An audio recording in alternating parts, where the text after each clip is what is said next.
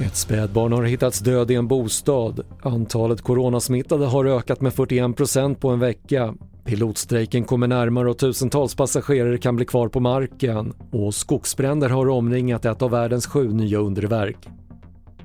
TV4-nyheterna börjar i Fällingsbro i Örebro län där ett spädbarn hittades död i en bostad under eftermiddagen sedan ambulans och polis larmats. En man i 30-årsåldern och en kvinna i 20-årsåldern som befann sig på platsen har anhållits misstänkta för vållande till annans död eftersom polisen i nuläget inte kan utesluta brott.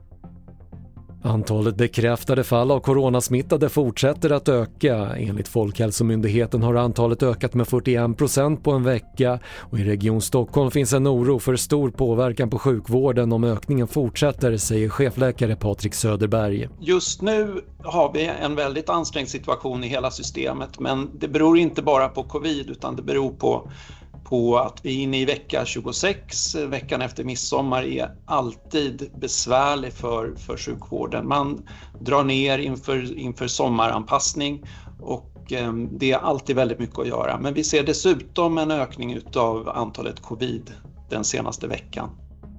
Pilotstrejken rycker allt närmare och lyckas inte SAS och facket komma överens före midnatt kan uppemot 30 000 passagerare bli kvar på marken.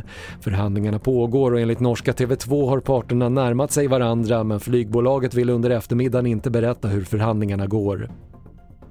Och vi avslutar i Peru där sedan några dagar flera skogsbränder härjar nära Inka-ruinerna i Machu Picchu som är ett av världens sju nya underverk. Brandkåren säger att man har kämpat mot bränderna i två dagar men att man ännu inte lyckats ta kontroll över lågorna.